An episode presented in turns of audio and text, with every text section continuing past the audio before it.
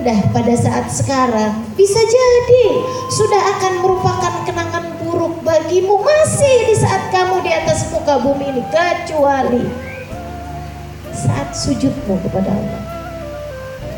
Kecuali saat patuhmu kepada Allah.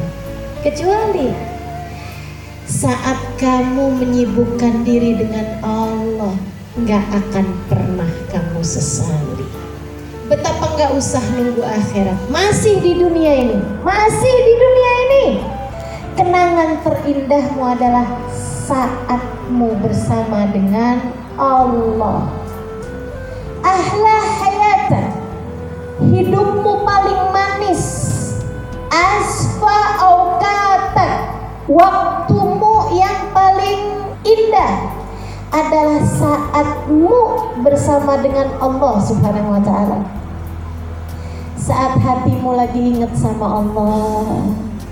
Saat zikirmu, saat sujudmu, saat ibadahmu, saat baca solawat, saat dengerin sesuatu tentang Allah, saat diingetin tentang Nabi Muhammad, itu akan menjadi ahla hayatan menjadi waktumu paling indah di dunia sebelum kelak di akhirat akan jadi waktumu paling indah.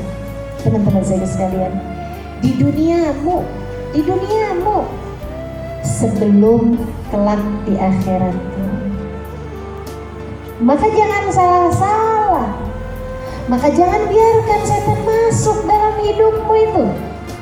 Jangan biarkan ada siapa pun yang mengelabuhimu untuk membuatmu sibuk dari selain Allah.